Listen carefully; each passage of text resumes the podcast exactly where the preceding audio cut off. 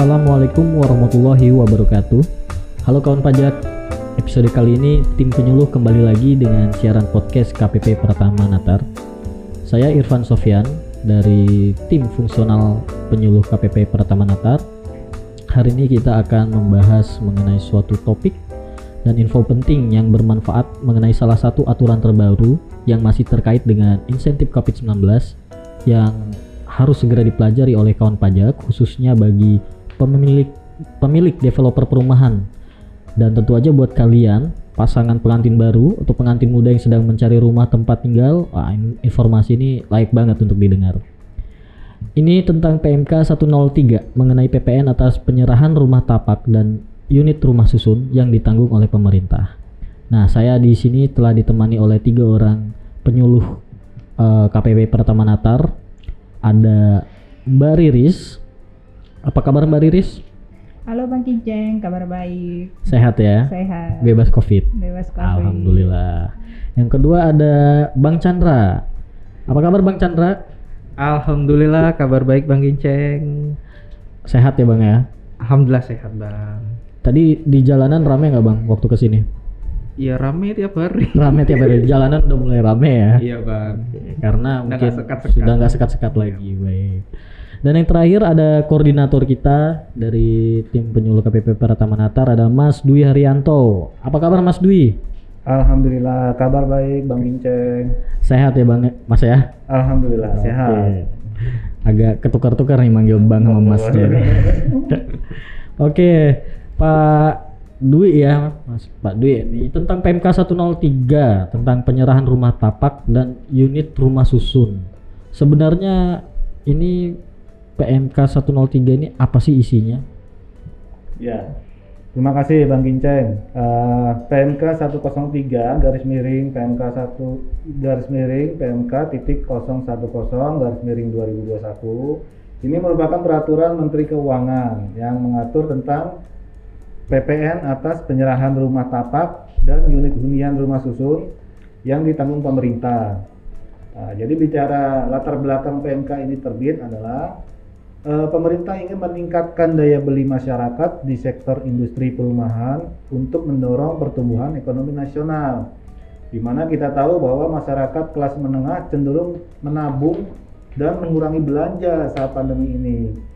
Uh, latar belakang berikutnya adalah uh, bentuk dukungan pemerintah bagi sektor industri perumahan dan keberlangsungan dunia usaha sektor industri perumahan yang terdampak COVID-19.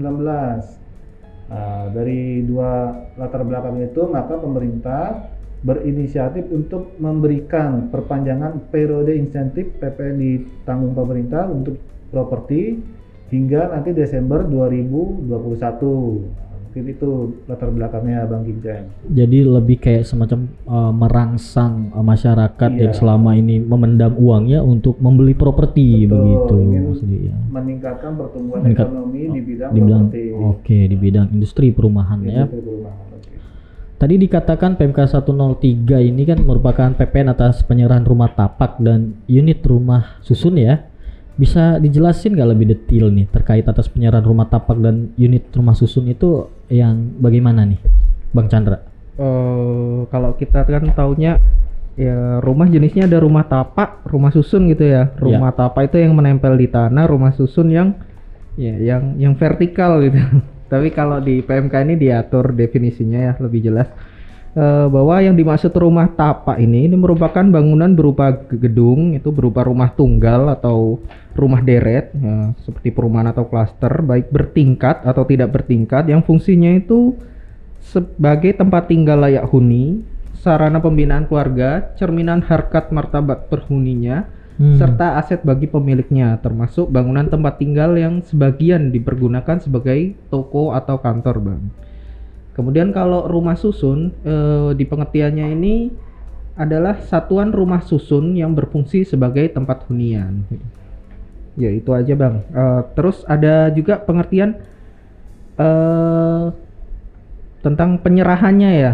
Tentang penyerahannya ya. Uh, uh, jadi mana itu bang? Uh, saat penyerahan, saat penyerahan yang dimaksud di PMK ini, ini yang terjadi itu pada saat uh, ada dua bang Eh, yang Apa pertama itu saat ditandatanganinya AJB atau akta jual beli atau saat ditandatanganinya perjanjian pengikatan jual beli lunas atau PBJB lunas. Untuk PBJB lunas ini kan eh, misal harga beli sudah dilunasi oleh pembeli tapi belum bisa AJB misal karena pajak-pajaknya belum selesai. Nah, itu bisa pakai PBJB lunas.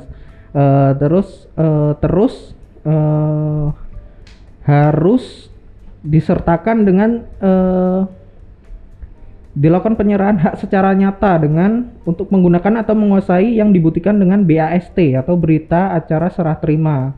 Itu paling lambat tanggal 31 Desember 2021. Jadi untuk saat penyerahannya tadi Bang, saat tanda tangan AJB atau PBJB eh, itu atau terus serta sudah BAST. Nah, BAST-nya itu paling lambat 31 Desember gitu Bang. Ya ini yang yang harus dicatat ini ya di Iya. garis uh, bawahi banget ya. Jadi uh, yang bisa dimanfaatkan ini adalah penyerahan yang BAST-nya paling lambat tanggal 31 Desember 2021. Ya, benar, itu. Bang. Oke. Baik. Apakah semua penyerahan rumah tapak atau rumah susun ini dapat diberikan fasilitas insentif ini, Mbak Riris? Nah, kalau untuk memanfaatkan insentif ini ada kriterianya ini untuk rumah tapak atau rumah susunnya. Ya, apa itu, nah, Mbak? yang pertama itu harga jualnya itu maksimal 5 miliar. Hmm. Lalu yang kedua merupakan rumah baru yang diserahkan dalam kondisi siap huni. Berarti dia belum pernah dilakukan pemindah tanganan. Oke. Nah, lalu yang ketiga itu rumahnya itu udah mendapatkan kode identitas rumah ataupun KIR. Nah, selanjutnya yang keempat itu diserahkan secara fisik pada periode pemberian insentif. Nah, pemberian insentifnya itu bulan Maret sampai dengan Desember ya. Nah, Lalu itu diberikan maksimal satu unit untuk satu orang pribadi. Nah, dan itu tidak boleh diperjualbelikan kembali dalam jangka waktu satu tahun. Lalu yang terakhir nih, orang pribadi tersebut jika WNI maka harus memiliki NPWP ataupun NIK. Sedangkan kalau warga negara asing wajib memiliki NPWP. Oke, lengkap sekali Mbak Riris ya.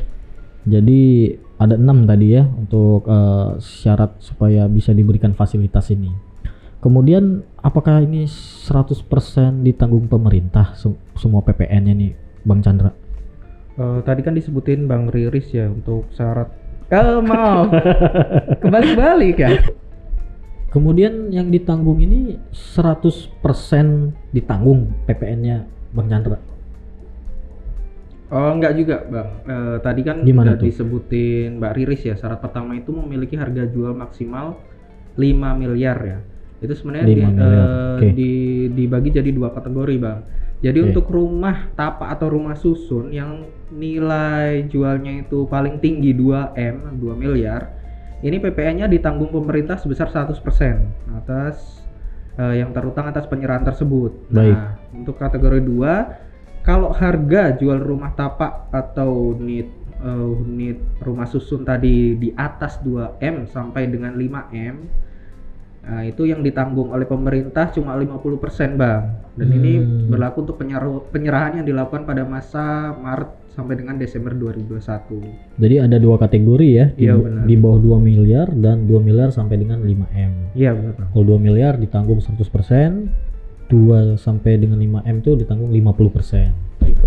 Oke, baik. Kemudian eh, cara untuk memanfaatkan insentif ini bagaimana Mbak Riris? Nah, untuk memanfaatkan insentifnya ini eh, developernya ya, developernya itu yang mana merupakan pengusaha kena pajak, dia wajib membuat faktur, lalu fakturnya itu dilaporkan sebagai laporan realisasi, serta mendaftarkan berita acara serah terima tadi pada aplikasi Sikumbang di Kemen PUPR itu eh, untuk transaksi yang selama bulan Agustus sampai dengan Desember 2021-nya. Oke, ini kalau saya saya perhatikan harus digarisbawahi juga ini ya, Mbak ya untuk mendaftarkan BA serah terima di Mm-mm. aplikasi Sikumbang Iya, benar. di Kemenpu PR ya. Mm-mm. Mungkin ini kawan pajak masih belum familiar ya sama aplikasi ini. Nanti bisa dicek di eh, websitenya Kemenpu PR, dicari tahu bagaimana untuk eh, memanfaatkan aplikasi Sikumbang ini seperti itu. Kemudian untuk eh, faktur pajaknya nih, ada ketentuan khusus nggak tentang pembuatannya? Gimana Bang Chandra? Eh, kalau faktur pajak, eh, yang pertama mengikuti peraturan PPN ya berpajak diisi lengkap dan benar ada identitas pembeli itu udah pasti yaitu nama pembeli dan NPWP atau nicknya kemudian eh, pada kolom nama barang nih ada yang khusus itu harus mencantumkan kode identitas rumah bang di mana kode identitas yang dimaksud itu adalah kode identitas rumah yang tersedia pada sistem aplikasi di Kementerian PUPR. Nah, Hmm. Lalu yang kedua, em, tadi kan ada yang ditanggung cuma 50% ya bang ya? Iya, benar. Oh, yang ditanggung 50% itu kalau faktur por- fakturnya ya, yang 50% ditanggung pemerintah menggunakan kode transaksi 07. Hmm. Eh, terus kalau yang nggak ditanggung kan ada 50% yang nggak ditanggung Iya, itu baik. tetap pakai 01 tapi Oke. kalau yang ditanggung 100% nih sama pemerintah itu pakai 07 Pakai aja 07 Oh, semuanya. gitu aja. Terus eh, berikutnya ada keterangan PPN ditanggung pemerintah eksekusi PMK 103 PMK 010 2001 2021 dengan cara memilih cap tersebut pada aplikasi e-faktur. Jadi di aplikasi faktur itu ada cap tersebut PPN ditanggung pemerintah ekseku- eksekusi PMK 103. Kalaupun memang eh, capnya belum tersedia, ini eh, kita bisa ngelakuin pembaruan atau update cap eh, di e-faktur itu caranya dengan eh, akses menu sinkronisasi cap di aplikasi e-faktur, Bang. Oke, jadi kalau yang belum update diklik dulu ya itu menu sinkronisasi capnya ya, jangan lupa nih kawan pajak. Kemudian ini yang perlu digarisbawahi ya ini ya Bang Chandra ya, kalau misalnya yang eh, di bawah 2M tadi kan ditanggung PPN 100%, penjualannya faktur dengan kode 07 ya. Ya, di PP 07 Ya, dia. Dengan yang sedangkan yang kedua yang harga 2 sampai 5M itu kan 50% yang ditanggung, 50% tidak ditanggung. Ya. Berarti ini eh, apa developernya membuat dua faktur ya. Iya bener bro, tadi saya Nah, kelewat oke. jadi membuat dua faktur Membuat- ya 101, 107. Oke, jadi membuat dua faktur, satunya 01 yang tidak mendapat insentif dan 07 yang mendapatkan insentif 50%. Iya. Oke, kemudian eh, kalau udah buat faktur, realisasi laporan realisasinya bagaimana nih, Mbak Riris? Nah, untuk laporan realisasinya itu dengan cara faktur yang tadi dibuat tuh yang kodenya 07 atau yang dua faktur 07 sama 01 itu dilaporkan dalam SPT masa PPN. Oke. Nah, SPT-nya ini dilaporkan oleh developernya ini yang merupakan PKP tadi. Nah, untuk pelaporannya nih kan karena masa pemanfaatannya Maret sampai dengan Desember, berarti ya untuk SPT PPN-nya ya Maret sampai dengan Desember tadi ya, Oke. itu eh, sampai dengan paling lambat dilaporkannya 31 Januari 2022. 31 iya, karena masa Desember tadi ya. Mm-mm, masa Oke. Desember kan terakhir dilaporkan kan akhir bulan berikutnya ya, bulan Oke. Januari. Jadi kurang lebih eh, cara laporan realisasi dan pemanfaatannya sama dengan PMK 102 yang eh, sekitar satu minggu yang lalu kita bahas ya. Iya benar. Ya? Heeh, Oke. Cukup melaporkan SPT masa PPN. Cukup melaporkan SPT masa PPN Yang itu mana- dianggap laporan Iya, realisasi. yang ada faktur pajaknya itu dibuat. Ya kalau dia nggak eh, lapor dengan faktur pajak 07 ada konsekuensinya nggak? Ya berarti dia dianggap tidak memanfaatkan insentif tersebut. Tidak memanfaatkan walaupun dia Mm-mm. buat faktur ya, tapi Iya, kodenya kodenya salah, kodenya iya. salah. Oke, Tidak baik. Jadi buat kawan pajak jangan sampai ketukar-tukar ya. Kalau mau mendapatkan manfaat dari insentif ini jangan lupa para developer nih eh, buat faktur pajaknya harus pas sesuai yaitu 07 untuk yang ditanggung pemerintah. Baik, jadi kesimpulannya PMK 103, PMK 10 garis miring 2021 ini adalah PPN atas penyerahan rumah tapak dan garis miring atau unit unian rumah susun yang ditanggung pemerintah pada tahun anggaran 2021. Untuk dapat memanfaatkannya, kawan pajak harus memastikan bahwa penyerahannya selama periode PPN ditanggung pemerintah, yaitu Maret 2021 sampai dengan Desember 2021 tidak dipindah tangankan dalam jangka waktu satu tahun sejak penyerahan, menggunakan faktur pajak sesuai ketentuan, melaporkan laporan realisasi, dan mendaftarkan BA serah terima paling lambat tanggal 7 bulan berikutnya setelah bulan dilakukannya serah terima. Benar ya begitu ya? Mas Iya. Dwi, Pak Chandra, Bang Mbak Riris ya? Iya benar Bang. Oke, baik. Untuk kawan pajak yang ingin tanya-tanya atau konsultasi lebih lanjut terkait insentif pajak ini bisa menghubungi ke mana, Mbak Riris? Uh, untuk kawan pajak nih yang ingin tanya-tanya nggak cuma tentang insentif ini aja ya Bang Gincang ya, tapi untuk Oke. hal-hal yang lain terkait Oke, perpajakan bisa menghubungi WhatsApp chat KPP Pertama Natar itu ada empat nomor yang bisa dicatat ya kawan pajak.